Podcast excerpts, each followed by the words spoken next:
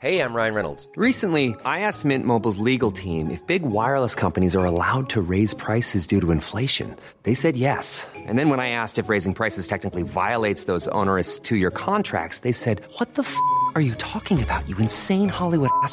So to recap, we're cutting the price of Mint Unlimited from $30 a month to just $15 a month. Give it a try at mintmobile.com slash switch. $45 upfront for three months plus taxes and fees. Promo rate for new customers for limited time. Unlimited more than 40 gigabytes per month. Slows. Full terms at mintmobile.com.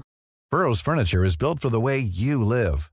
From ensuring easy assembly and disassembly to honoring highly requested new colors for their award-winning seating, they always have their customers in mind. Their modular seating is made out of durable materials to last and grow with you.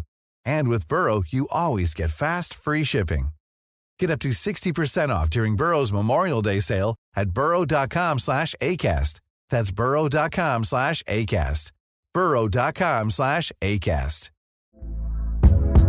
Hey there, it's Michelle Norris. I'm host of a podcast called Your Mama's Kitchen. When I travel, I'm usually looking for a way to find a taste of home when I'm not at home. And one of the things I love to do when I am at home is entertain. And Airbnb allows me to do that. When I was in California recently, I rented a house that had a great kitchen. And when we were sitting around the table, we're all thinking, we're in someone else's house. Someone could be in all of our homes as well. If you have a home, but you're not always at home, you have an Airbnb. Your home might be worth more than you think. Find out how much at airbnb.com/slash host.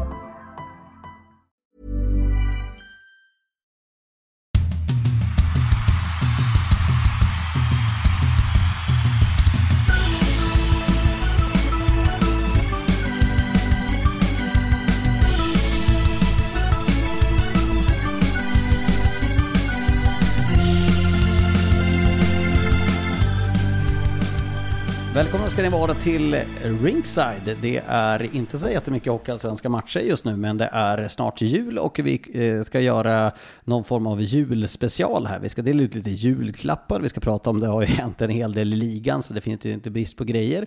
Eh, innan vi kör igång med det hockeymässiga, hur, eh, hur firar ni jul?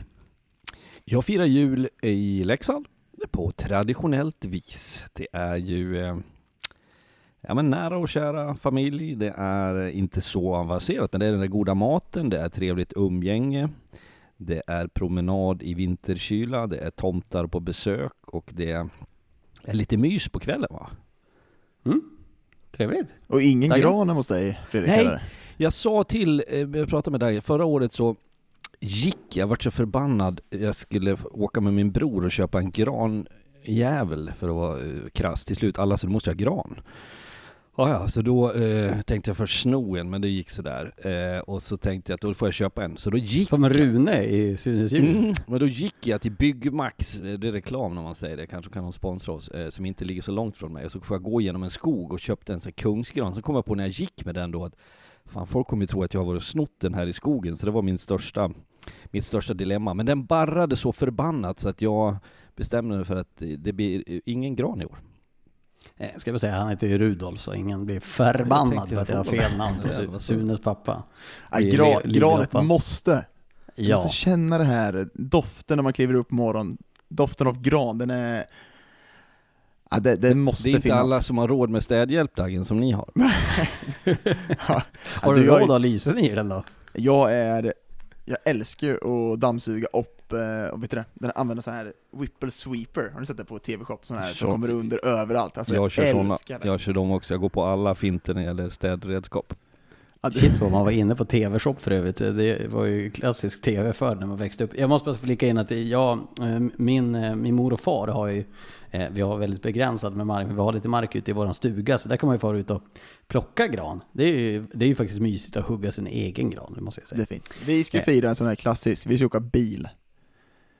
Till det här firandet, till det här firandet, Mm. till det andra firandet, dit, dit, dit. Så ja, det blir lite bil för oss. Ja, och med barn då är det lite packning som ska med också. vi framme snart? Ska du döma någonting i, i, i jul? Eh, det ska jag göra. Eh, jag vet dock inte vart och när än, men det kommer bli i mellandagarna kommer det bli dömning. Ja. Eh, och, och eh, det är ju hockey i mellandagar också. Det är två Stockholmsderbyn och Modo mot Björklöven. Så det är kvalitetsmatcher i mellandagarna som vi har att se fram emot. Eh, ska vi börja på eh, den stora grejen som har hänt sen senast vi snackade och eh, vi kommer till matcherna. Men eh, Patrik Zetterberg entledigade från, eller man har gått skilda vägar där i Västerås. Eh, tankar om det? Det kommer väl inte som någon större överraskning sett till vad som har hänt Eh, under en längre tid. Sen ska jag säga direkt, för att ha det sagt, att eh, Patrik Zetterberg har ju gjort väldigt mycket för Västerås och var det en viktig del i deras klättring från ettan till allsvenskan och så och har väl varit med. Jag läste en bra intervju med honom igår där jag tycker att han var ansvarsfull, han var ärlig och han var också jag ska inte säga ångerfull, men jag tror att han medgav att de själva hade skapat en del av problematiken genom att brösta upp sig och eh, på så sätt öka trycket. Men det som är anmärkningsvärt är att, att de släpper Zetterberg. Man trodde ju ändå att Pannan skulle gå först, det har ryktats om det länge, nu är det Zetterberg som går. Det var tvungen att hända någonting i det här Västerås, som var tvungen att ta något beslut. Nu är det Zetterberg som får bära hundhuvudet istället för Pannanen. Får vi se också vad som, vad som händer i det här Västerås, men jag tror att man måste göra någonting med den satsningen man har som klubb, så måste man agera när det inte har sett så bra Sen har Zetterberg inte lyckats de här två säsongerna i sina säsongerna i Hockeysvenskan med sina nyförvärv. Men så... jag tror också att vi måste säga att han fick ju sparken. Det är inte så ja. att de skildes åt, utan här, här klargjorde man. Det är klart han fick sparken. Ja, och det, jag menar inte att det skulle vara mer skamligt på något sätt, utan så ser ju verkligheten ut och det, det, det, det, var, det var där man började. Sen var, vad som är problematiken kommer vi aldrig få fulla svar på kanske. Nej. Så är det. Så är det. det, det Patrik Zetterberg har ju, det han lyckades med väldigt bra under sin, sin tid i Västerås var ju att han, han fick hem hemvändare som gjorde en satsning med, med att få hem Johan Gustafsson, Gunnarsson, Frycklund och så vidare. Och det såg ju ut att kunna bli riktigt bra. Nu blev det inte så, så bra utfall som det var önskat där i Västerås såklart. Men eh, första säsongen när de tog sig upp från ettan så gjorde ju Västerås en helt otrolig säsong. Så det kan man ju faktiskt ha med sig lite grann i minnet. Jag läst ganska mycket från, från Västerås-supportrar också som jag har varit väldigt kritiska här senaste veckorna. Men eh, med all rätt såklart.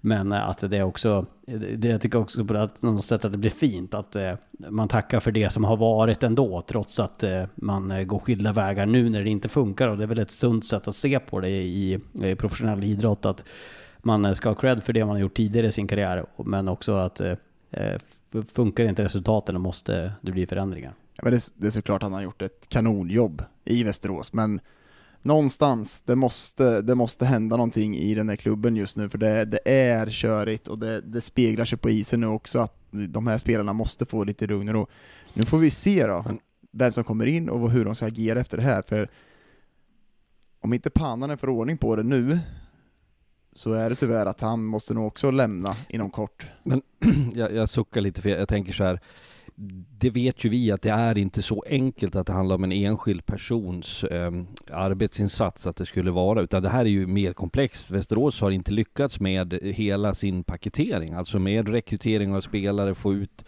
eh, effekt på dem man har.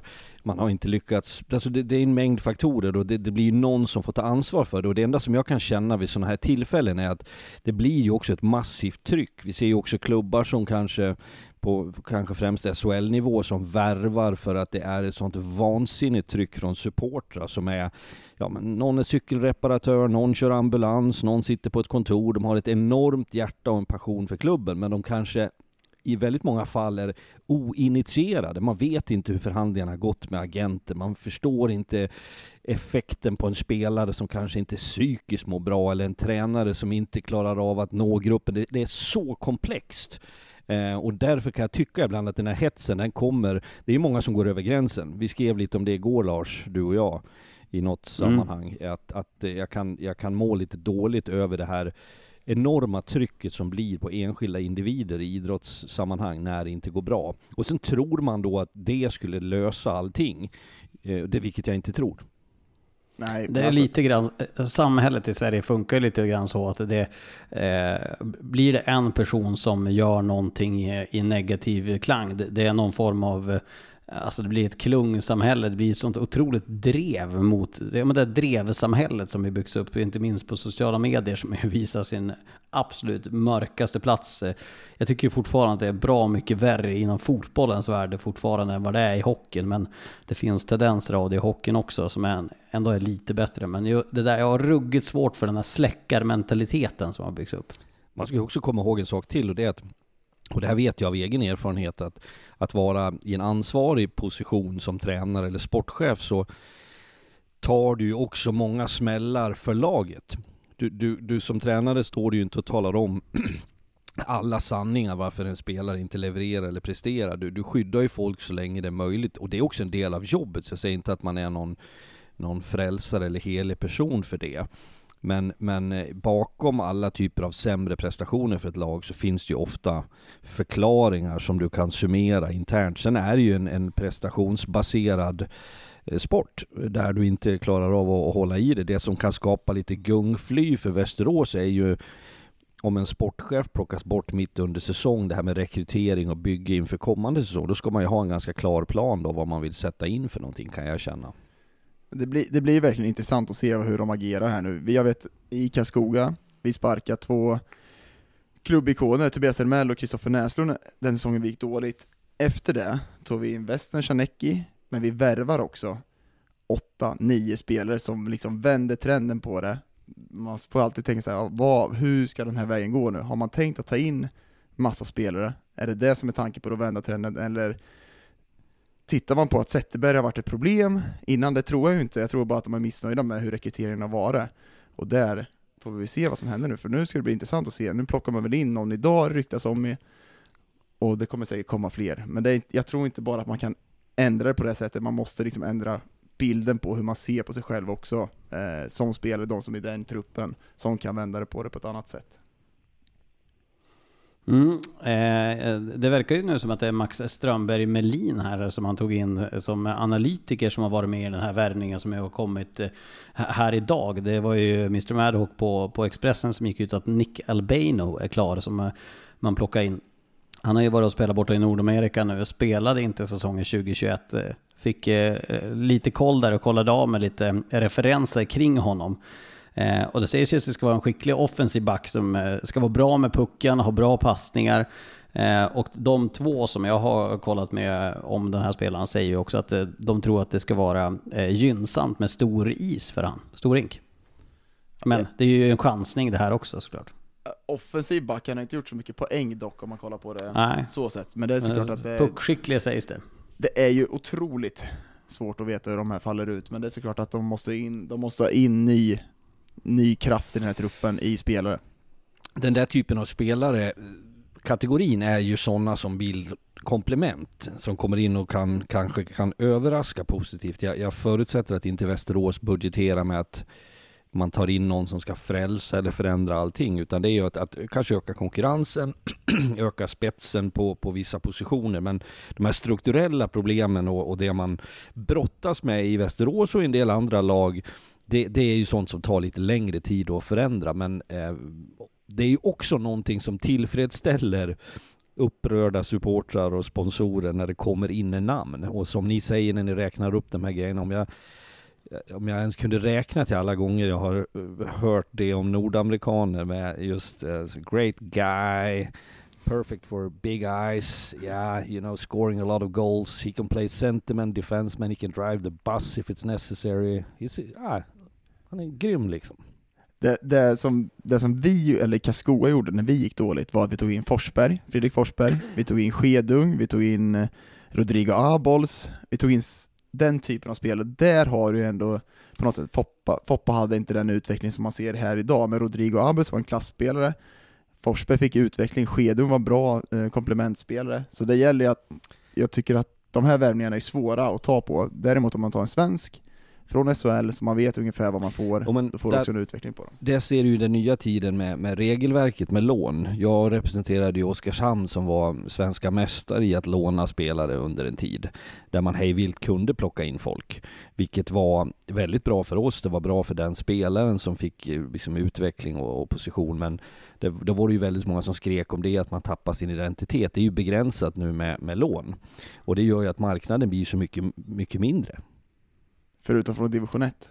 Ja, Ja exakt, men det att kan du plocka- Svensson pratade om det där. absolut. Men, Ja, men det, är det- inte, det det, blir- är inte de namnen du nämner kommer ju inte från division 1.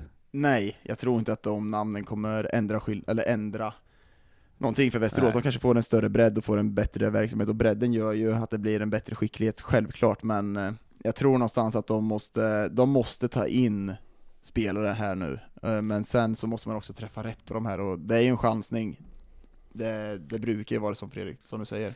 Men Jag var inne på, jag var inne på att eh, jag sa eh, i någon podd här att den här säsongen är körd. Liksom att det går, inte att, det går inte att rädda det här till att bli någonting jätteglamoröst av det här. Men faktum är ju att Västerås är fem poäng från negativt kval. Mm. Och de är på slutspel snart, några Ja. poäng. Eh, Så, det, så ser det ju ut. Och det är det här som är så läskigt, för det kan ju också innebära det man som utomstående kände med HV för två år sedan att oj, plötsligt så var de i negativt kval. Eh, De hade ett jättebra powerplay, de, det skulle bara lossna. Så det, det är ju det är ett farligt läge, och där, på det sättet har du ju en poäng, eh, eh, Lars. De har fem poäng till sjätteplatsen också. Ja. Alltså de, Ja. de kan, de har, de har inte, de är inte, de är bättre än vad de ligger just nu, det ska man ha klart för det. Sen, de, sen tycker inte jag att de är etta, tvåa, trea, fyra, det tycker jag verkligen inte att de har ett lag till, men de är precis under den Nej, men, och, och det har ju inte vi snickrat upp på väggen heller, eller jag har inte gjort utan jag kanske såg att det fanns risker med det bygget utan att det, det är ju spekulation utifrån. Jag sitter inte på någon mer värden än, än någon annan, men det var min känsla. Men däremot så kan jag tycka så här att det, det läget som en del klubbar har hamnat i nu, det är det både SHL och Hockeyallsvenskan, så finns det ju en, en fantastiskt stimulerande utmaning i att nu har gått halva serien, att försöka starta om. Och det kan ju vara korrigera spelet, det kan vara att, att byta positioner när det gäller förtroende, det är någon som vi måste, vi måste strypa istiden på någon som, som kanske har ett större namn men som har en mindre prestation. Det kanske finns de som har spelat lite för lite som du kan knuffa igång. Jag säger inte att det är ett drömläge för Pannanen på något sätt, men Pannanen är, är, har ju sina möjligheter att påverka den truppen man sitter i idag och faktiskt göra någonting vettigt med och det gäller ju samtliga tränare. Ja, och de måste, de måste på något sätt sätta press på de toppspelarna som ska vara leverera den här, i det här laget, för det är för dåligt. Det är liksom, de måste på något sätt ha, vad ska man säga, jag tappar orden här nu, men det Jo men och, det ser vi så här bara, ska jag tillägga att det är ju också, där finns ju ingen sanning eller enkelt svar. Det man gör i Karlskoga när du var där, eller när jag var i Oskarshamn, eller när Lars har följt ett lag på nära håll. Det är ju en sanning och verklighet för det, det laget där och då. Det kan ju vara jag märker också att det blir väldigt mycket som, det är något större namn som inte presterar, men skäll på han, skrik på han, bänka han. Så, I stort sett sl- slita han i, i håret ut på parkeringen och ställ trunken där. Det är ju inte lösningen för alla. Ibland är det ju faktiskt att jobba med någon, att få fart på någon genom att hantera dem på ett annat sätt. Så det är ju också en unik situation som varje tränare står inför. Men det ligger ju på en tränares roll att få fart på en skicklig hockeyspelare. ja, men det måste Ja. ställas krav på dem också. Absolut, jo men jag säger inte att det, det, det är inte den... Alltså jag har själv varit med om sådana där jag kanske inte var tillräckligt tuff. För vad är att ställa krav då? Ja men det finns från allt, att ser du en tendens i spelet där det händer 5, 6, 7 gånger, då måste det bli konsekvenser. Absolut, men det, Det är inte att går ställa inte. krav. Det är, att, det är att ge konsekvenser. Ja, precis, men det, jag tror att det, det är ingen Det kravställning hänger innan. ihop. Ja, Det är liksom, innan den här säsongen, tror- jag tror, att det, jag tror att det är en jättebra grupp. Det har jag sagt innan, jag tror att det är en jättebra grupp, de har kul tillsammans. Men det är det som är problemet. Jag tror inte det finns någon kravställning från början, hur man ska föra det här spelet, hur man ska ta det framåt. Och på de konsekvenserna som kommer i spelet, när det inte sitter, då är det ingen som säger ifrån. Nej. Och där tror jag att det är ett problem i Västerås. Ja, jag, jag, ja, det är möjligt att det är så, men, men om jag pratar generellt så tror jag att det, det vanligaste, jag tyckte när man såg Södertälje på nära håll förra säsongen, eh, så, så jag är ganska övertygad om att det fanns höga krav på deras spelare att prestera. Eh, vad hette han den här nordamerikanen som vann poängligan fast han åkte hem efter Brett alla Pollock. helgona typ? Eh, ja, Eh, det fanns naturligtvis en kravbild på han, han levererade, men där var det någon, någonting annat som fallerade. Han, om man valde att inte vara kvar eller inte fick vara kvar ska jag låta vara osagt, men jag, jag tänker bara att det det finns sällan en sanning om vad man har hamnat i. Tar vi Västerås specifikt så är det ju kanske mer komplext för du har ledande spelare som är bygdens söner, som är eh, hemmaplanskungar på något sätt och som kanske har en, en, en position i hela samhället som är svårare att hantera. Jag säger det som teoretiskt att, att det kan vara så. Men vi ser ju det här problemet i andra lag också. Um, är det att kravbilden är för låg? Att inte Gynge har gjort ännu mer poäng fast han gjorde så fantastiskt mycket. Så det, det, det, är, det är svårt. Det, det, är verkligen svårt, sen, sen, kan man, ja, man kan jämföra så självklart, jag tycker ändå Gynge går in, om man ska ta bara det exemplet, Gynge, ja han har levererat nu på slutet, men han gör fortfarande ett jobb hela tiden på isen och sätter liksom, jag tycker han sliter för laget hela mm. tiden, ja, men det sen, är han till, sen är han tillräckligt bra fem mot fem i det spelet. Han måste ha någon som levererar de här puckarna till att och stå. Han, han sliter för mycket tycker jag i min, i min värld. Nu ska vi inte bli långdragna där. Men den här diskussionen kan vi hålla på hur länge som helst, det, ja. så är det ju. Och den är intressant. Ja, men det, som, det, som, det som är med Västerås är att eh, det är ju eh, på riktigt eh, det, det, det, det, är inget lag där det är så tydligt som att eh, årets krislag är, behöver vi inte diskutera om vilket det är. AIK kommer ju undan på det här för AIK är dåliga på bortaplan. Men eh, AIK är ju ett mindre krislag än Västerås, trots att AIK ligger bättre, värre till i tabellen, ska jag säga. Och jag vill bara säga det, får de ordning på det, då tror jag de kan bli farliga. Så, så det, det var ju också exakt det som var HVs problem, att de trodde det för länge. I SHL pratar jag om nu. Jaha, okej. Okay. Mm. mm. Att de trodde det för länge och då, sen var det för sent. Mm. Eh, ja, i alla fall. Eh, ska vi, det kommer en annan nyhet idag eh, om att det är ett nytt avtal mellan Hockeyallsvenskan och SHL eh, mellan ligorna. Eh, och det som det, det avtalet går ut på är att ersättningen per spelare som lämnar Hockeyallsvenskan ska öka. Man får mer pengar för spelare som går till SHL. Icke-etablerade juniorer ska stanna kvar i den hockeyallsvenska klubben och SHL-klubbar får värva spelare från hockeyallsvenskan fram till och med den 27 juni. Men ifall en SHL-klubb får en, draft, eh, en spelare draftad till NHL där spelaren dessutom direkt åker över till Nordamerika så kan den klubben värva en ersättare från hockeyallsvenskan fram till 17 juli. Det är det som det nya eh, avtalet säger. Det är ju, ja, folk kommer säkert skrika att de får ta spelare oavsett att man får ta de här SHL, eller SHL får gå in och plocka. Det som man, ska ha klart för sig i det här, det är att alla spelare, om det inte hade avtalet hade funnits, då hade fått sportcheferna suttit och skriva SHL-krasur i varenda avtal, för det ska alla spelare ha när man skriver på för Hockeyallsvenskan, speciellt de som ligger i toppen. De vill ha en SHL-krasur. Och då kommer det bli ännu mer. Nu får man ett bra avtal, man ska ändå vara nöjda med det här avtalet, och jag tror nog att det är något positivt, för annars så hade det blivit ett jäkla jobb för de här sportcheferna den här den pikanta detaljen, om jag är lite ironisk med, att man faktiskt kan tappa spelare som har signat, den känns ju den är ju komplicerad i så mening att går du till vilken del av samhället som helst så finns ju väldigt få människor som accepterar att ja, men jag måste vara på det här jobbet i tre år fast jag blir erbjuden ett bättre jobb som är tre gånger så bra betalt i, på, på, på, ett ställe där jag verkligen vill vara. Eh, och att det kväver ju kanske lite grann av den drivkraften, för det är väl ingen hemlighet, även om vi älskar Hockeyallsvenskan så, så vet ju vi att SHL är en nivå upp. Och det, det, är ju varje spelares ambition och drivkraft att hamna där. Annars är ju det en spelare som jag skulle vara tveksam att ha i ett Hockeyallsvenskt lag, om man inte Exakt. vill högre upp. Ja, för värva en spelare som säger ja, men jag är nöjd att vara i Hockeyallsvenskan. Det, det finns inte då, då, då är det inte rätt spelare, det är inte rätt karaktär. Nej, och de, all... Det finns ju sådana exempel genom åren och de finns, det vet jag, i, i ligan den här säsongen också, som säger, som kanske har varit där i SHL, men som nöjer sig med ett bra avtal i Hockeyallsvenskan.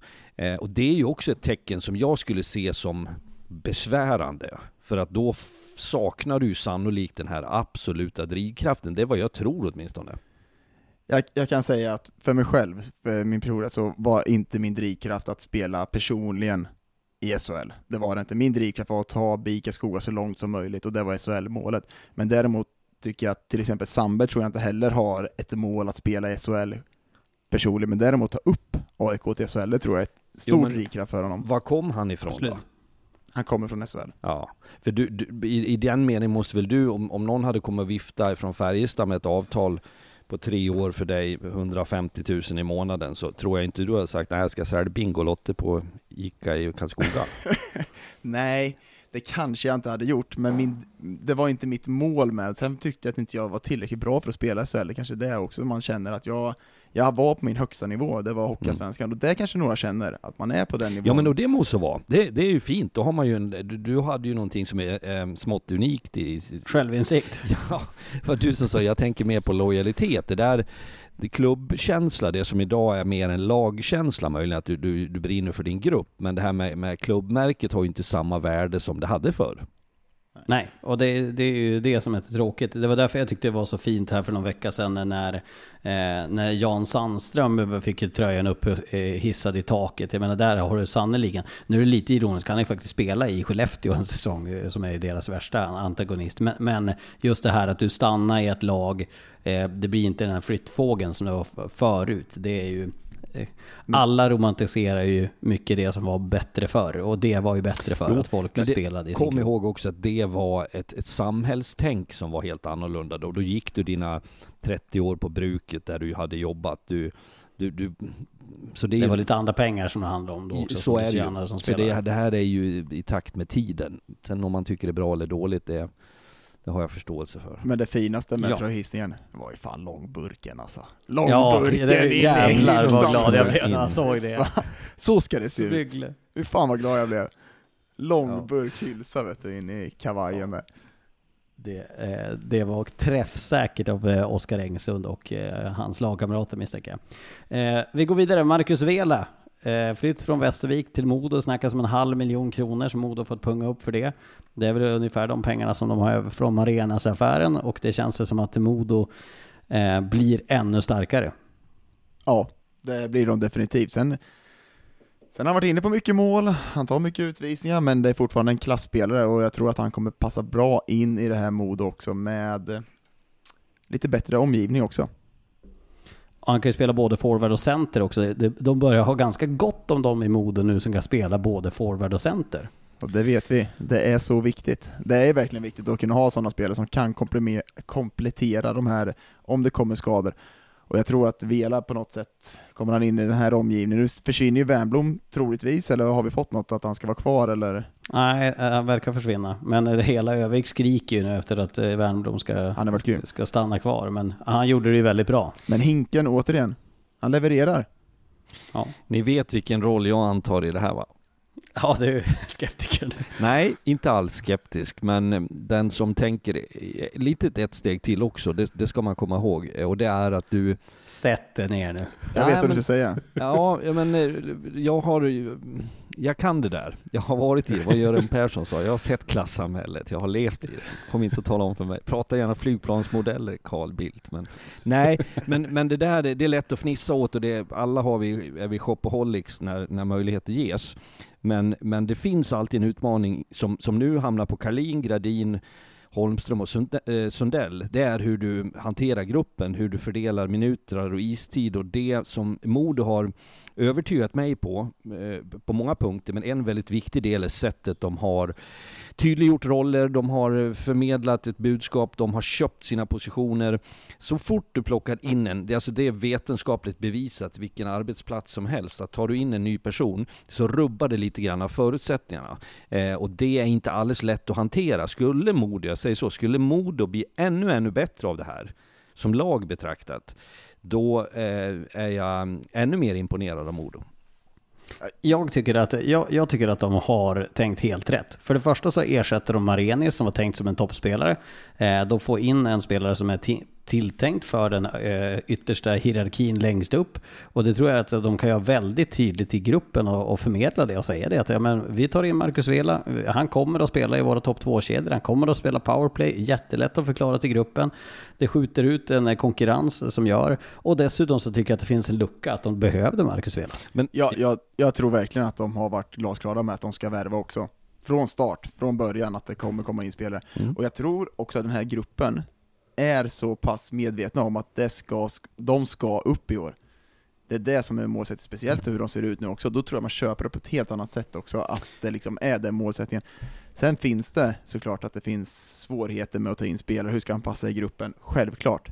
Men det är fortfarande, de kan inte släppa honom till någon annan heller, för det är en tunn marknad, och har man chansen att ta honom, och har de pengarna som Modo har, bra värvning. Ni har jättemånga poänger.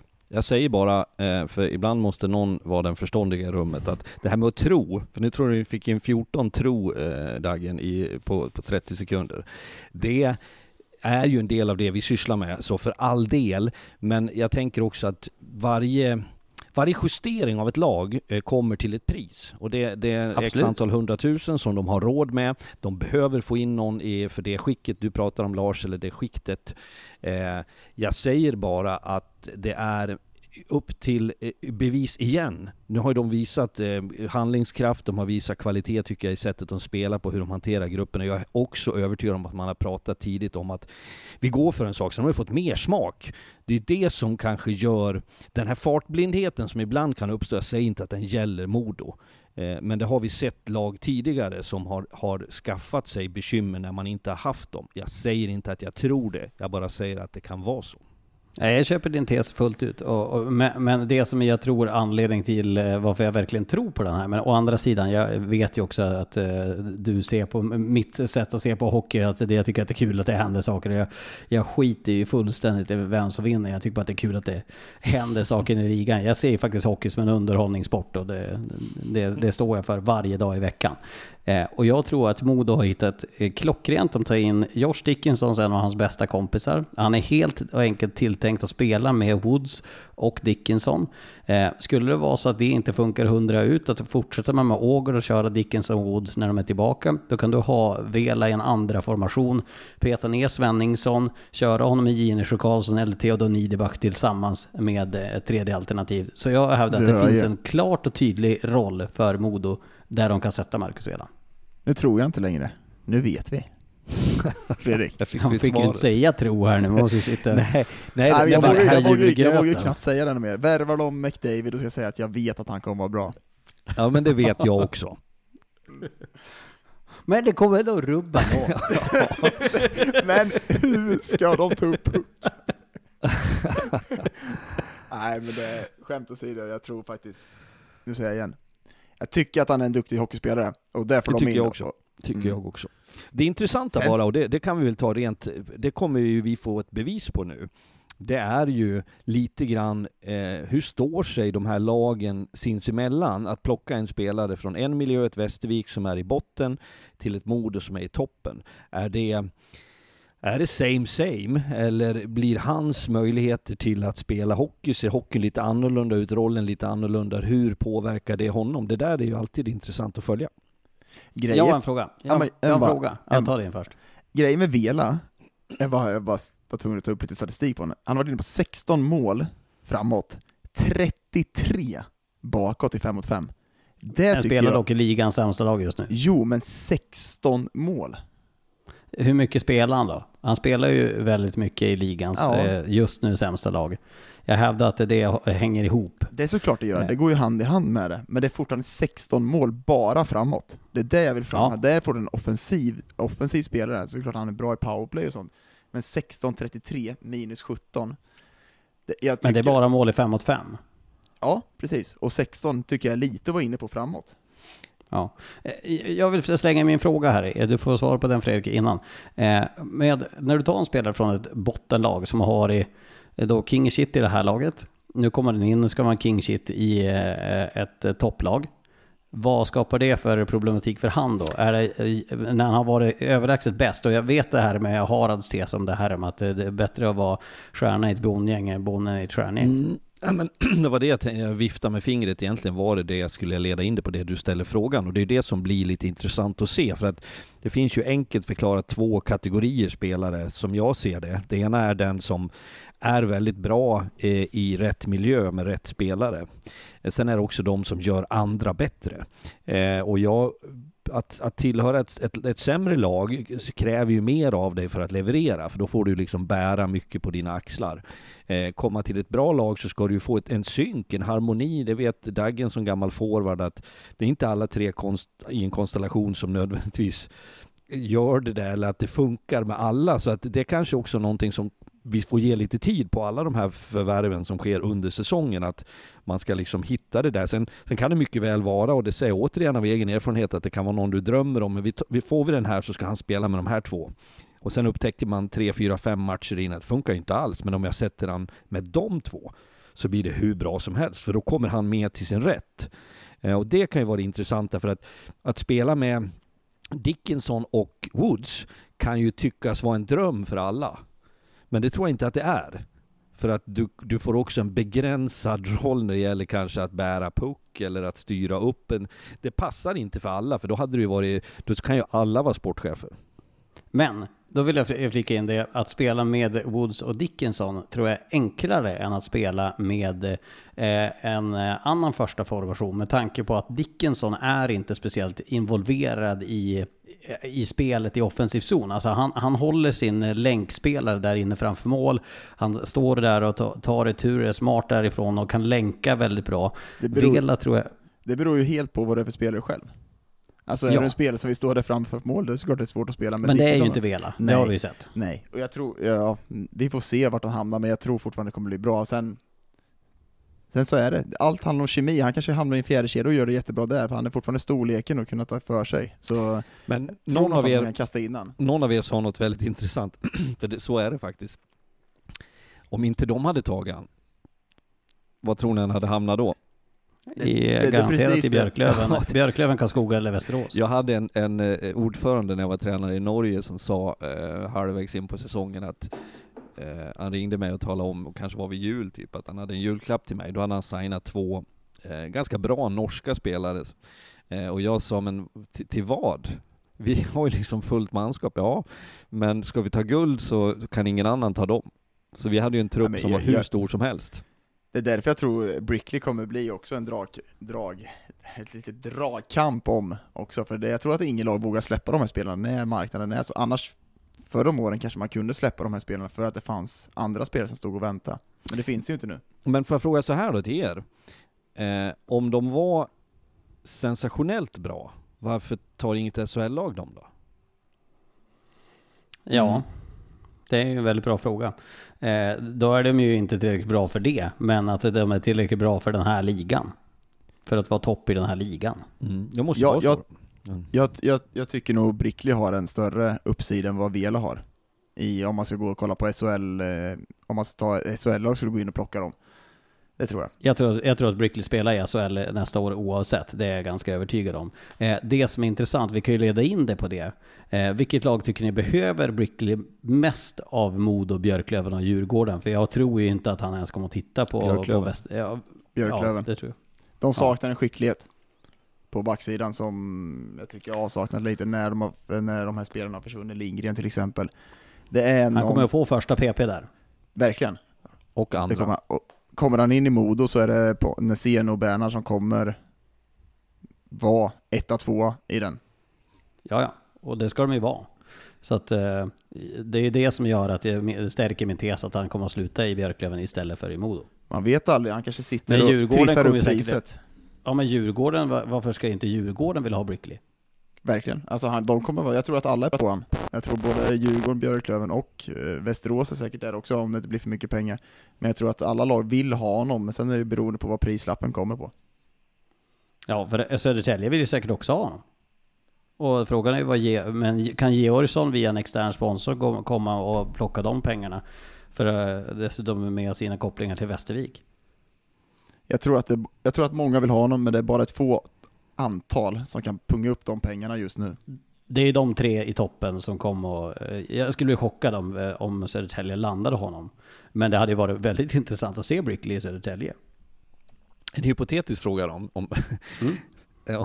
om, om Tingsryd vi har två Fan, vad jag miljoner gillar här. Fredrik börjar, över, att Fredrik Att han, gilla vi, den har, vi har silly. fått med honom i våran Ja. båt. Han, han simmar över mot, eh, mot livräddarbåten. Jag ligger efter och åker med bara. Men, men bara för att liksom, för det här handlar om någonting mer. Det handlar om spelarens eh, eh, resonemang också, att byta miljö. Och det är därför jag skulle säga, om Tingsryd slängde upp två miljoner så att vi ska ha Brickley. Skulle han gå från Västervik till Tingsryd? Sannolikt inte. För att då är det same same. Du vill ju åt en bättre eh, sportslig miljö, du kanske också socialt har Även om inte det är din drivkraft att bo i Stockholm så kanske frugan, jag har haft eh, eh, speciellt nordamerikaners vars respektive har större in, inflytande på var man tar vägen någonstans. Så att jag tänker att Modo och Björklöven är väl ungefär samma, samma, innan folk i Umeå blir jättearga nu, för Umeå är en mycket större stad. Men nu tänkte jag rent eh, så här, hockeymässigt och betydelsen av hockeyklubbarna. Ge inte in i stadskampen här nu, för då Nej, det kan nej. vara hus. Men det, det, det jag tror också, det är att Västervik kommer må bra där. Jag tror att de får in mycket pengar, de kan värva lite spelare, ta in bredden och få ett mycket jämnare lag än vad de har idag. För de kommer behöva sätta sig nu, några matcher in nu, och förbereda sig för att det blir kval om de inte får ordning på det här nu. Intressant att du säger det, för, för det var dit jag tänkte komma. Det är nio poäng upp nu för Västervik som har en match mer spelad än AIK som har 33. Vita Hästen har 34, dit upp är det 10 poäng. Eh, det börjar bli eh, med, eh, vad är det, 24 matcher kvar att spela, så är det 10 poäng att plocka i, i kapp snart. Kolla Tingsryd, plockar in lite division 1-spelare, får en större bredd, får också börja vinna lite matcher, få en bättre kontinuitet på spelet. Så det, det, det, det kan vara ganska positivt för Västervik det här att få både in pengar, för det behöver de, det vet vi, men också få en större bredd i den här truppen, för den är för tunn. Det är väl också, det kanske är magstarkt att säga att det är bra. Jag, jag förstår ju vad du menar, men vi kanske ska förtydliga att, att man inte vill skicka två superspelare på det sättet. Men, men med, med de förklaringar du har Dagen så, så köper jag det. Att man kan ju också lufta sina egna lite mer och sen har ju Västervik historiskt Eh, förvisso med Karlin, sen med Georgsson under Gudmundssons eh, vingar varit rätt duktiga på att rekrytera och det kan man ju fortsätta vara möjligen. Ja, det tror jag verkligen. Vet du vem den bästa utländska spelaren har varit i eh, Västervik? Bords- Ever. Bordsson. Jävlar. Bordsson. Tror inte man uttalar det så, men jäklar vad bra han var. De har ju haft ganska många bra, alltså Käpla var ju vansinnigt bra när han var där alltså.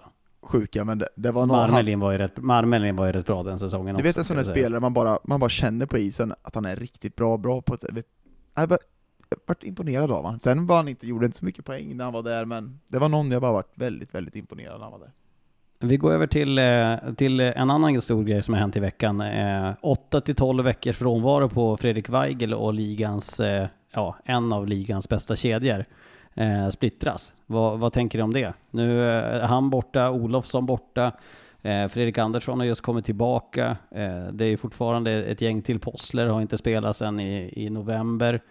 Ehm, det börjar bli tunna, börjar tunnas ut ganska ordentligt där uppe i Umeå. Där uppe i Umeå, jag sitter i Umeå så jag ska inte säga där uppe här. Eh, ja, jag är oroad för Björklöven. Inte att det skulle falla igenom på något sätt, men jag tänker att det sliter på eh, gruppen, på enskilda spelare, på hela organisationen när man ständigt lever i det här att det är ett eh, en frånvarolista som är för lång. Man hittar lite ursäkter. Vardagen blir framförallt försämrad. Träningskvaliteten, investeringarna man gör nu för det som komma skall. Så att det är oerhört olyckligt för Björklöven och jag är ju rätt övertygad om att Kemte naturligtvis gör vad han kan och, och ser över marknaden. Sen är ju Kemte har ju bevisat sin skicklighet tidigare och är väl säkert väldigt noggrann med att inte ta vad som helst. Men, men det är en utmanande situation. Ja, och Weigel har varit riktigt bra i år Han också. har är det. ju på nytt född uppe i Umeå, så är det ett riktigt stort tapp för dem. Han har tillsammans med, det har varit den bästa offensiva kedjan i ligan. Tillsammans med Modos första kedja kanske vi får flika in där. Så är det. Eh, vad hette, vi måste ju också konstatera eh, två grejer. Weigel, jag tror ju att eh, Weigel framförallt den här, den här säsongen vill, eh, han ville göra en kanonsäsong den här säsongen när han blev bortvald från AIK. Att, så här, att eh, kolla här vilket jävla misstag ni har gjort. Att han ville bevisa sig. Den drivkraften vet jag, den är för jävla stark att, eh, att visa att de har gjort fel här. Kommit här och inte tro på mig. Nu ska jag jävlar mig visa vad jag kan. Och han har dessutom be- motbekräftat tesen att man kan absolut nuppa med sitt ex. Eh, om, det sker under kontro- om det sker under kontrollerade former och med bådas välvilja. Ja, du Ja. ville ju verkligen inte ha den i början av säsongen, sa du ju så. Nej, Jag sätter, satte ett frågetecken eh, och det ska man ju göra ibland så att man inte är tvärsäker. Eh, Men han, han Du sprudlar. trodde, du sa tro, du, du sa tro då. Sa jag det Det får då? man inte säga, det ska jag garantera. Jag kan backa bandet och, och, Jag sa upp faktiskt det. att jag trodde Weige skulle vara grym i, i Björklöven. Ja, ja, ja. Tro och tror ni. Det jag är intresserad av att veta, det är hur löser de här? Jag, jag tycker att det hade varit intressant att se att de hade dragit upp eh, att Fortier får köra den kedjan. Nu är jag ganska övertygad om att det kommer att bli att de kör Fitzgerald där istället, som de också har testat tidigare under säsongen. Jag märker Va- Lars, inte- låt mig bara säga en sak nu. Du, nu börjar jag syna dig. Du sätter alltid upp det på följande sätt. Du låter Daggen sitta och tro. Du låter mig kliva in och vara den här truliga eh, gamla tränaren. Sen sitter du med något facit och har gjort formationer som man gjorde när man var 12 år här. Du rabblar upp laguppställningen nu. nu. Nej men så här, så här är det ju, att jag, jag, jag är inte här för att tycka egentligen, men sen när ni är uppenbarligen gör fel, då måste jag säga att, ja men, ni Ska får skärpa er. ska Ni jag säga fel. Lars hur de ska göra? Ja, låt här. Barnslig förtjust i Gus- Gustav Possler när han kommer tillbaka. Att han ska in där? Varför inte? Nej, Varför kommer aldrig att inte? ske. Nej, det Kommer kanske inte aldrig gör. att ske. Det kanske inte kommer göra, de kommer säkert sätta in Fitzgerald, men jag tror att han skulle vara väldigt bra. Han är otroligt nyttig, bra på att täcka puck, precis som Weigel är, och köper liksom det här, ta två, tvåvägsjobbet, köper defensiven, tar det. Otroligt bra spelare, en av de bättre i Björklöven. Men min tes då är att eh, Gustav Possler är inte en tillräckligt bra framspelare för att spela i den formationen. Jag tycker att han har väldigt bra offensiva kvaliteter, och, och inte, Det tycker för att, jag också. inte för att rucka på de andra formationerna, som jag tycker Fortier och Fitzgerald har varit bra, då kommer också Possler kunna komma in. Så Fredrik, Jag sitter och myser där uppe, den jäveln. Med sina grönkålschips som han har gjort här lagom till den här sändningen. Men om vi... Det, det engagerar ju oss, det hör vi ju. Och det är väl... Ja, vad, vad, ja, ge, säg vem som ska spela Fredrik Söderström. Nej, men- Sitt inte där och sitt. Nej men du vet att jag, jag det, det där avstår jag från att göra för så här och du har ju varit tränare Ja. i 20 år, det enda du har gjort är att göra formationen. Ja det Svara är ju det. Och vet du varför där. jag har gjort dem och inte någon lallare i Umeå eller i Växjö med hörlurar på en tisdagkväll? Det är för att jag vet då mer än vad någon annan vet. Och jag tänker så här att Stråle, och det tycker jag ändå man ska lägga in i det här, eh, även om vi skämtar om det nu, eh, så blir jag allvarligt förbannad. Eh, nej, det men kan bli man fel i ser- kemin. Ja, ja, det är ju det. Nej men, men alltså, det, det, det, finns ju egenskaper som, som inte alltid är i ögonfallande. Och det finns förklaringar eh, när man sätter ihop en formation, en powerplay-uppsättning, boxplay-par, som, som inte blir så alltid så tydliga för, för ögonen. Så att, men men då, ni spekulerar i alternativ. Det är absolut tänkbart. Jag, jag säger bara att, att det, ska en tredje person sitta och spekulera i namn in där så tycker jag att det blir... Så att jag, jag det, är ju, köper... det, det är ju därför vi har den här podden, pappskalle. För att vi ska spekulera vem som ska spela med vem? ja, Ja, då, bland annat. då tror jag inte Då avsäger du, då går du Ja, hem nu. då pack, hur loggar man ut Slå på här? lilla neonljus på tvn och hoppa upp Ja. i Ja, vi, får ju, vi får sluta spela in så här sent så det blir tjafs och alla är trötta, men jag, jag tror i alla fall att Posse skulle passa bra där. Ja, jag, jag köper det fullt ut. Jag, jag, eh, jag, jag tror att, eh, nu tror jag Fredrik. Ja, men tro. Stämmer för fan. jag, tror att Fitzgerald kommer spela där, men det hade varit kul att se Fortier där. Jag tänker mer så här, vad behöver Björklöven göra? Eh, Du, du kan inte internlösa allting. Fredrik Weigel skulle behöva ersättas. Vi pratar... Oj, kolla nu ska han värva Ja, men det är värvningar jag tror att man behöver göra för att pratar man, om man säger 8 till 12 veckor. Eh, vi pratar ju alltså, det är ju tre månader. Mm. Eh, och vi vet alla hur läkare och så, hur svårt det är för dem att göra. Det är ju ingen som vet. Du kan spekulera, sen är det upp till, till lite tur och, och ibland så får du med det och ibland, det är lika ofta det går åt helvete åt andra hållet, att det blir en, liksom en besvärande situation som gör att de inte klarar av det. Så, så jag tänker att med tanke på hela situationen för Björklöven som har en väldigt besvärande frånvarolista så skulle de behöva hitta någonting. Och därför är det ju klart som fan att Brickley är på deras radar. Ska han spela center nu helt plötsligt? Nej, men, men, eh, han är back. Jag skojar, du är dum med mig bara. Jag, vill bara, jag tycker bara att det, jag, jag har inte jobbat på en vecka mer. Jag vill sakna grabbas mer. Men Jakob Olofsson, vad, vad har vi för... eh, han tränar nu, men det är ju fortfarande frågetecken om när eh, liksom han är spelredo. Det är ju, det är ju fortfarande ganska oklart. Jag, jag tror och tycker att de borde ersätta Weigel också, alltså precis som Fredrik inne, det måste in någonting för att vara med i racet här om den här platsen nu också. Och det gäller ju att ta positioner inför slutspelet. Och det är för länge, för Weigel kommer ju vara borta, han kommer ju komma precis innan slutspelet startar, eller in i slutspelet. Jag har ju dock en känsla att det börjar lossna lite grann på marknaden om man tittar på hur det faktiskt ser ut. Och det där kan du se lite grann på att det är lag i Schweiz som kommer över lite folk. HV71 plockar två som har varit i Schweiz. Det händer saker lite mer nu så att det kanske har lossnat lite grann. Eh, och det skulle öppna upp det även för Hockeyallsvenskan. Ja, men det är väl känslan definitivt. Eh, vad, vad, tänker ni om, eh, vi ska ta de andra lagen då innan vi går in på den här julklappsutdelningen vi, eh, som vi har förberett inför det här, eh, som ju eh, blir på, på tal om spekulativt, eh, så har ju eh, JVM-spelarna dragen nu. Eh, vilket gör att eh, det blir ett tunnare i Djurgården som förlorar mot Kristianstad på straffar här eh, i veckan också. Vad, vad tänker ni om deras läge? Jag såg den matchen och tycker väl att Djurgården eh, hade kunnat kvävt Kristianstad inledningsvis, första perioden. Det är ju ett eh, klart spelmässigt övertag. Jag, jag eh, var inte, ska jag säga, överraskad, men jag var Eh, Eh, glad att se farten i Djurgården. Jag tyckte att det var någonting mer än det jag har sett en tid. Jag tycker att de har varit trögare, men nu, nu var, det, var det bra fart. Man skapade kvalificerade chanser. Det hade kunnat gjort något med den matchen. Sen faller man tillbaks i lite gamla synder tycker jag, eh, matchen igenom.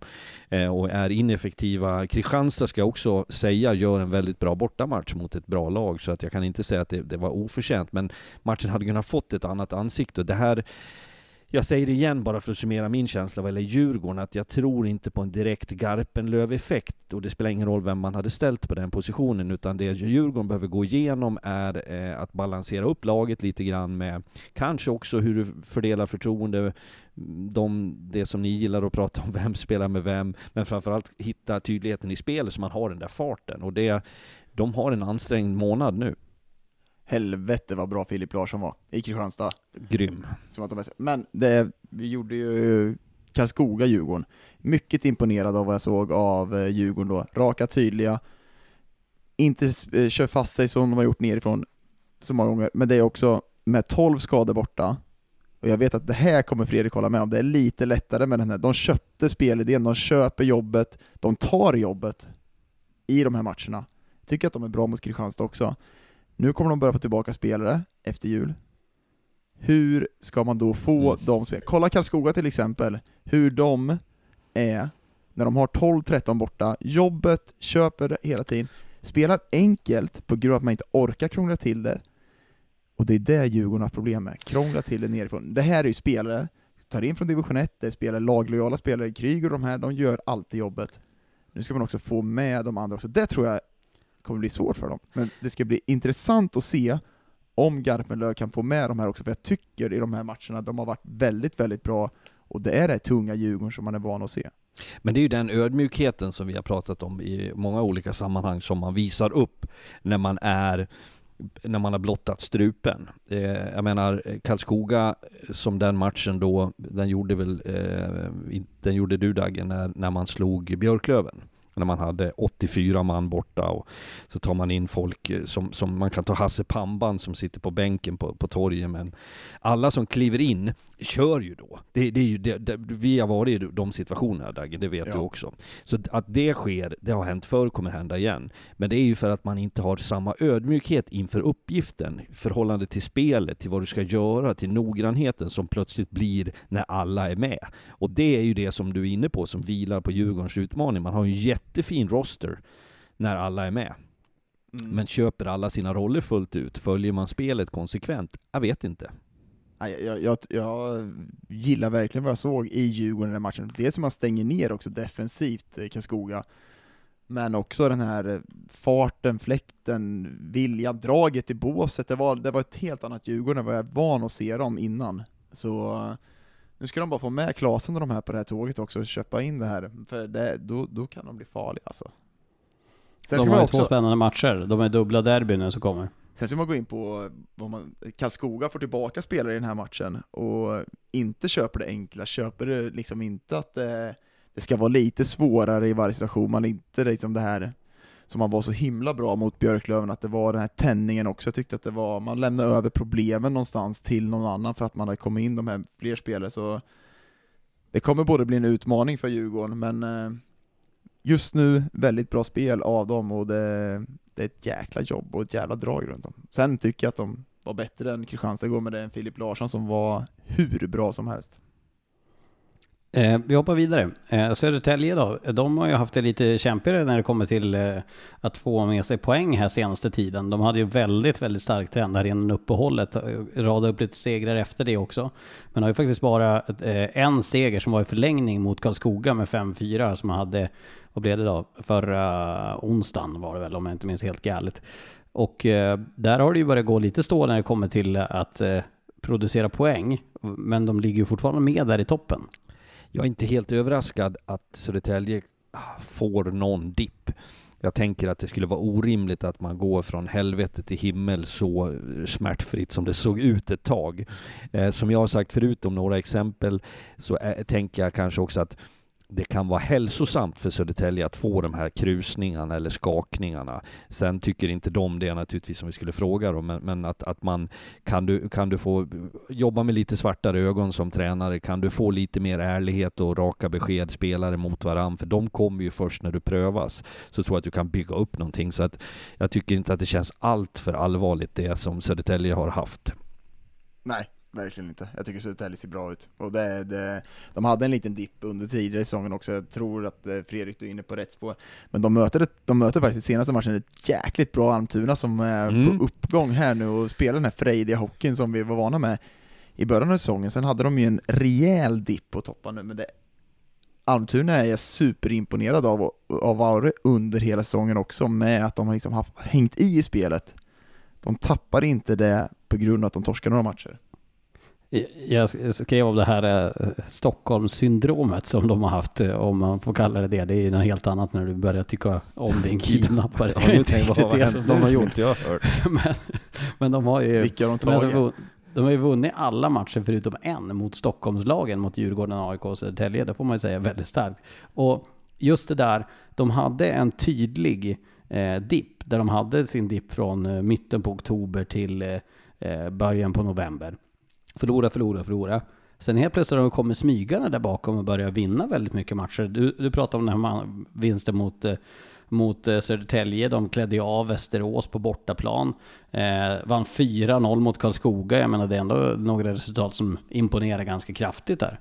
Ska, vi, ska vi prata om skicklighet så är det ju, efter Modo så är det nog Almtuna som har den i truppen också. Med pucktempo, med spelskickliga passningarna.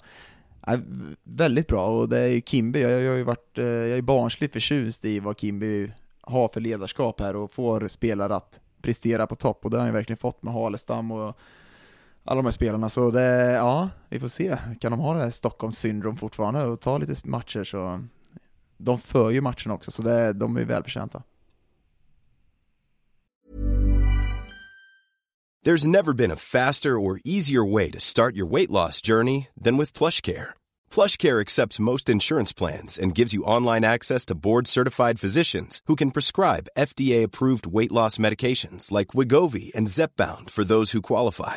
Take charge of your health and speak with a board-certified physician about a weight loss plan that's right for you. Get started today at plushcare.com slash weight loss. That's plushcare.com slash weight loss. plushcare.com slash weight loss. Mom deserves the best, and there's no better place to shop for Mother's Day than Whole Foods Market. They're your destination for unbeatable savings, from premium gifts to show-stopping flowers and irresistible desserts. Start by saving 33% with Prime on all body care and candles. Then get a 15-stem bunch of tulips for just $9.99 each with Prime. Round out Mom's menu with festive rosé, irresistible berry chantilly cake, and more special treats. Come celebrate Mother's Day at Whole Foods Market. Hey there, it's Michelle Norris. I'm host of a podcast called Your Mama's Kitchen. When I travel, I'm usually looking for a way to find a taste of home when I'm not at home. And one of the things I love to do when I am at home is entertain. And Airbnb allows me to do that. When I was in California recently, I rented a house that had a great kitchen. And when we were sitting around the table, we were all thinking, we're in someone else's house. Someone could be in all of our homes as well. If you have a home, but you're not always at home, you have an Airbnb. Your home might be worth more than you think. Find out how much at airbnb.com/slash host. Fredrik hade inget att tillägga det lät det som. Eh, eh, vi ska snart komma till det här. Jag, vill- jag vill bara höra lite grann om Mora också. För Mora har ju, nu vann de ju senast mot Västervika 4-3. Men de har ju resultatmässigt gått ganska trögt sen, så mitten på november. Trots att eh, vi har ju hyllat dem för en jämnhet i truppen och eh, en, eh, ja, men en bra trupp, ett bra spel. Eh, och ja, men egentligen ett lag utan direkt svaghet den här säsongen. Jag uppfattade ju Johan Hedberg som besviken och lite bitsk på, på sitt eget gäng och sig själv efter förlusten mot AIK som vi gjorde förra veckan. Eh, med all rätt, jag tyckte det var ärligt och uppriktigt. Jag tror att de jag har fått känslan av att de tycker själva att de har pissat bort, för att, och ett slarvigt uttryck, en del eh, matcher här den senaste tiden där man spelmässigt har varit lika väl hade kunnat vunnit. Om man går tillbaks i, i lite sådana saker som, som man hade i inledningen av säsongen där man inte knyter ihop det. Och det, det är ju naturligtvis inte de bästa tecknen om du ska ta fart för att vara eh, topp fem och, och liksom finnas med där. Eh, så, så återstår även för dem som vi var inne på om Södertälje om det, om det är något man kan dra lärdomar av och gå vidare. Men jag tycker rent spelmässigt så håller de i sitt konsekventa beteende. De är, de är ju otroligt bra när de är på toppen, är de. Men mot, till exempel mot AIK så är de ju mycket spel, men de kommer inte på insidan, de får inte de här heta lägena, och det är ju det problemet de har haft den här säsongen. Men fortfarande så sitter det fem mot fem, powerplay, det finns någonting där. Men de måste komma in, bli lite obekväma. Jag tycker Heikkinen-kedjan har varit överlägset bäst i det här laget. Ljunggren och de måste på något sätt föra det mer och mer i fem mot fem spelet de är bra i powerplay men få med dem mer tillsammans med den här första. Förra året så hade de bara Ljunggren och inte en andra kedja. Nu har de ändå kvaliteter på de här, men de är lite, lite obekväma. Är inte tillräckligt obekväma för att vinna de här matcherna och komma in och göra mer mål heller. Arne, något annat ni brinner för eller ska vi gå in på vår julklappsutdelning som avrundning på det här? Vi har kört en timme nu. Jag tycker att det är hög tid att gå mot tomtesäckarna. Vem vill... Eh, eh, ska- vi börja då? Nu, n- n- ganska många av mina har vi varit inne och tassat på lite grann, men det... Det det. Jag delar ju ut fem stycken i sändning precis, men jag har ju tre nya alltså. Ska jag börja jag eller? Har du Ja, sändning kör. nyss du? Får börja, va? Hade du sändning nyss? Kör du, kör du lokal-tv i Växjö? Kör det. Ja, lokala men jag har, jag har, jag ska ge Marcus Eriksson ett nytt axelskydd. God jul Marcus, här får du ett nytt axelskydd. För som han har bärt den här truppen den här säsongen, som passningsgeni han är, han är Vita Hästen, han tar dem framåt, han vinner matcher åt dem. Och han är med på vändningen här nu. Och vilka smörpassningar han lägger, vilken kvalitet, vilken spelare. Det är en artist, och han är bland de äldre gubbarna, det måste man ju älska också, men det är framför allt nytt axelskydd till Marcus, för nu får du slippa bära dem. Du måste ha tre, fyra axelskydd för att klara av det här, men han gör det ju. Då tar Så jag god vidare. jul. God jul, god jul. God jul. Anton Blomqvist, AIK, får av mig, och det här, att jag säger det för att det är också kopplat, det finns ett ännu obekräftat rykte att en tränare idag i Hockeyallsvenskan ska ha gjort det här. Jag vill inte säga vem, jag vill eh, se om det kommer fram någon som, som berättar att det är så. Men jag, jag skulle vilja ge Anton smällare, då pratar vi inte sådana här bangers eller handgranater, utan eh, ljudliga smällare att använda som den här tränaren då eh, ska ha gjort. Att kasta in i omklädningsrummet före nedsläpp, i synnerhet på bortaplan, för med tanke på deras facit där och inte minst deras första perioder så skulle man behöva väcka det där gänget och vad är bättre än att få uppmärksamheten genom att kasta in en det hette ju treöres och femöres när jag var små, mindre. Men, eh, jag tror inte det fanns femöringar. Men det var sådana små Kina-puffar kan vi kalla det. då. Boom! Kina-puffar. Väcka eh, laget. Thunder King om man ska ha större. Ja, eh, och eh, få fart på gänget och det kan han behöva. Så god jul Anton, det kommer ett paket med puffar. Mm. Eh, jag delar ut ett, eh, ett timglas. Får eh, Daniel Brickley av mig. För det timglaset kan han nu vända eh, på, på julafton och så sen se sanden rinna ut till när han spelar i en ny klubb.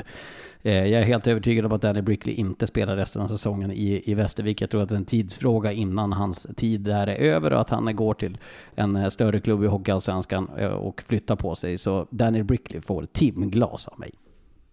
Fint. Okej då, eh, Marcus Vela. Du får en lagbok av mig. Jaha, varför då tänker ni? Jo, han har tagit 19 stycken två minutare den här säsongen.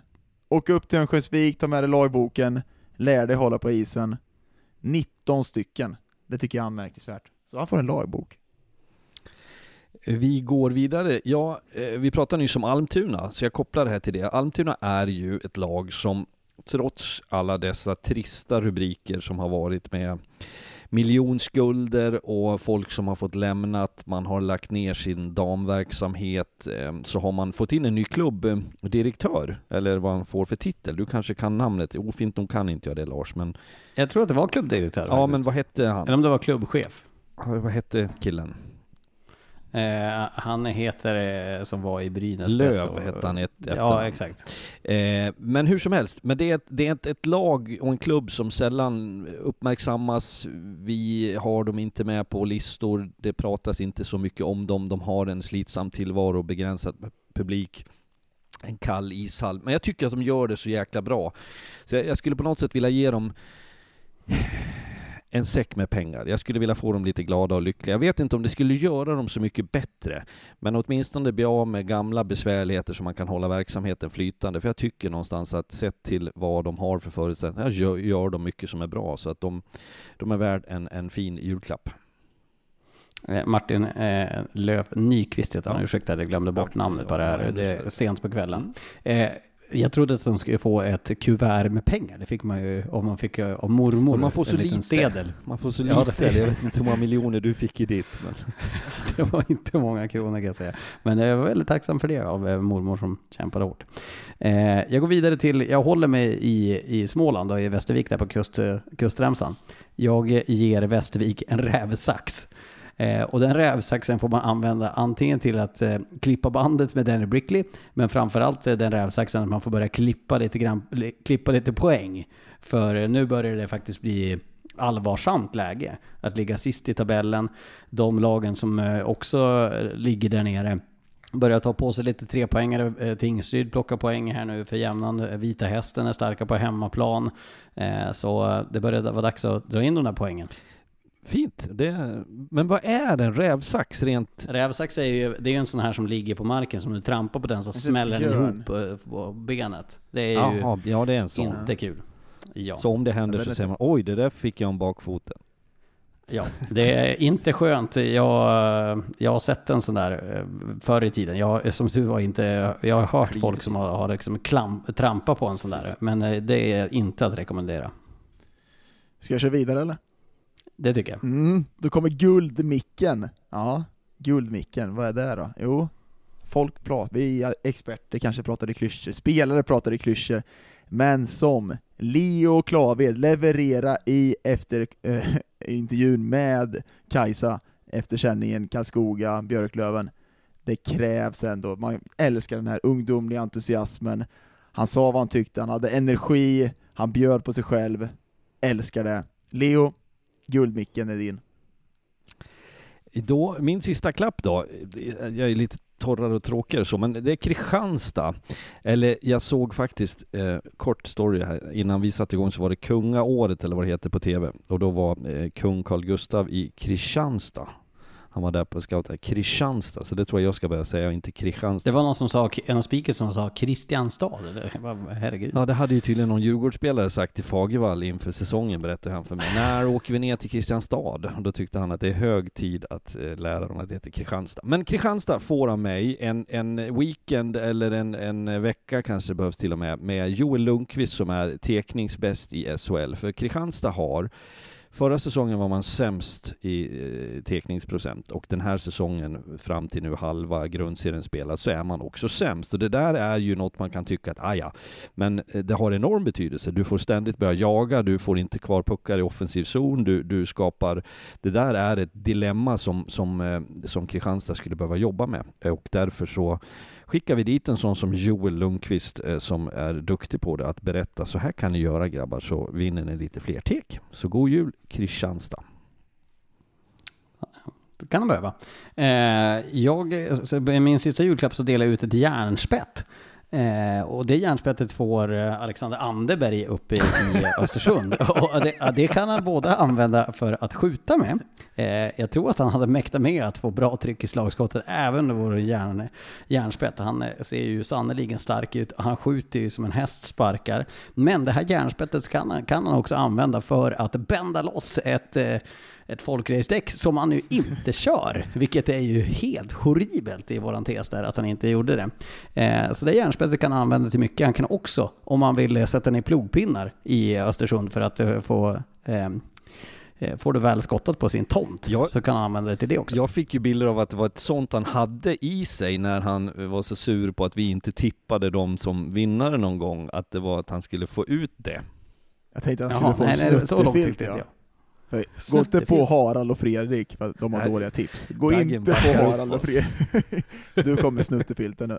Han får Anderberg av mig, han får snuttefilt och gråta ut i. Gå inte på dem. Gå inte på oss. Vi står upp för varann, simor gänget Nej, jag, jag, jag viker mig alltså. ja, Du stod och skrattade och spädde på det bara. Ja, jag eldar ju på mer än gärna. Eh, men med det så kan vi väl börja summera det här avsnittet. Eh, det är dags för jul och nästa vecka, vi kan ju flika in också, nästa vecka så är våran plan att vi kommer att släppa eh, podden på torsdag, eller om det blir senare på onsdag, för att det är ju Stockholmsderby på tisdagen. Och då samlas några av oss i Stockholm. Då har vi tänkt se om eh, vi kan bjuda in Harald också, så att vi kör alla fyra. Eh, och eh, sen får vi se om det blir av. Men vi spelar in onsdag, så det kommer lite senare på den nästa vecka vill vi eh, flagga för lite grann redan nu.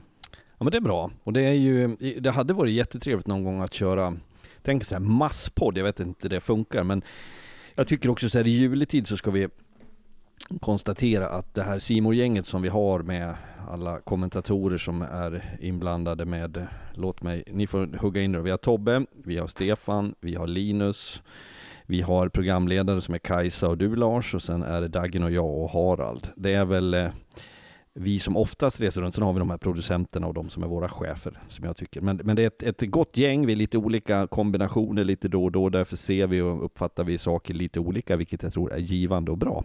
Men tänk att sätta hela det gänget, Lars. Vilken dröm. Jag trodde det hade ju blivit köra... sår i öronen för, för lyssnarna. Ja, jag, trodde du skulle säga att vi skulle köra livepodd. Det har varit nästan börjat rysningar här, att jag var livrädd för att vi skulle köra sånt. Bevare mig väl. Nej, det, det hade blivit eh, skador för trumhinnor på folk tror jag. Eh, vi ska ha haft någon mick när vi åker, eh, åker i bilen alla ibland. Det, det, ja, nog om det.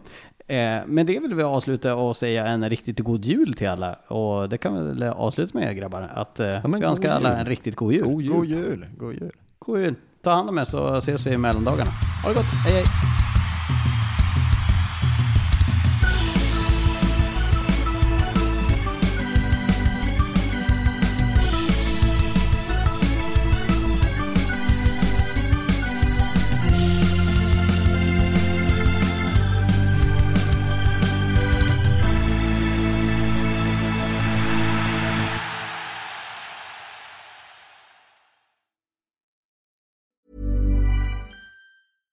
Mom deserves the best, and there's no better place to shop for Mother's Day than Whole Foods Market. They're your destination for unbeatable savings, from premium gifts to show-stopping flowers and irresistible desserts. Start by saving 33% with Prime on all body care and candles. Then get a 15-stem bunch of tulips for just $9.99 each with Prime. Round out Mom's menu with festive rosé, irresistible berry chantilly cake, and more special treats. Come celebrate Mother's Day at Whole Foods Market.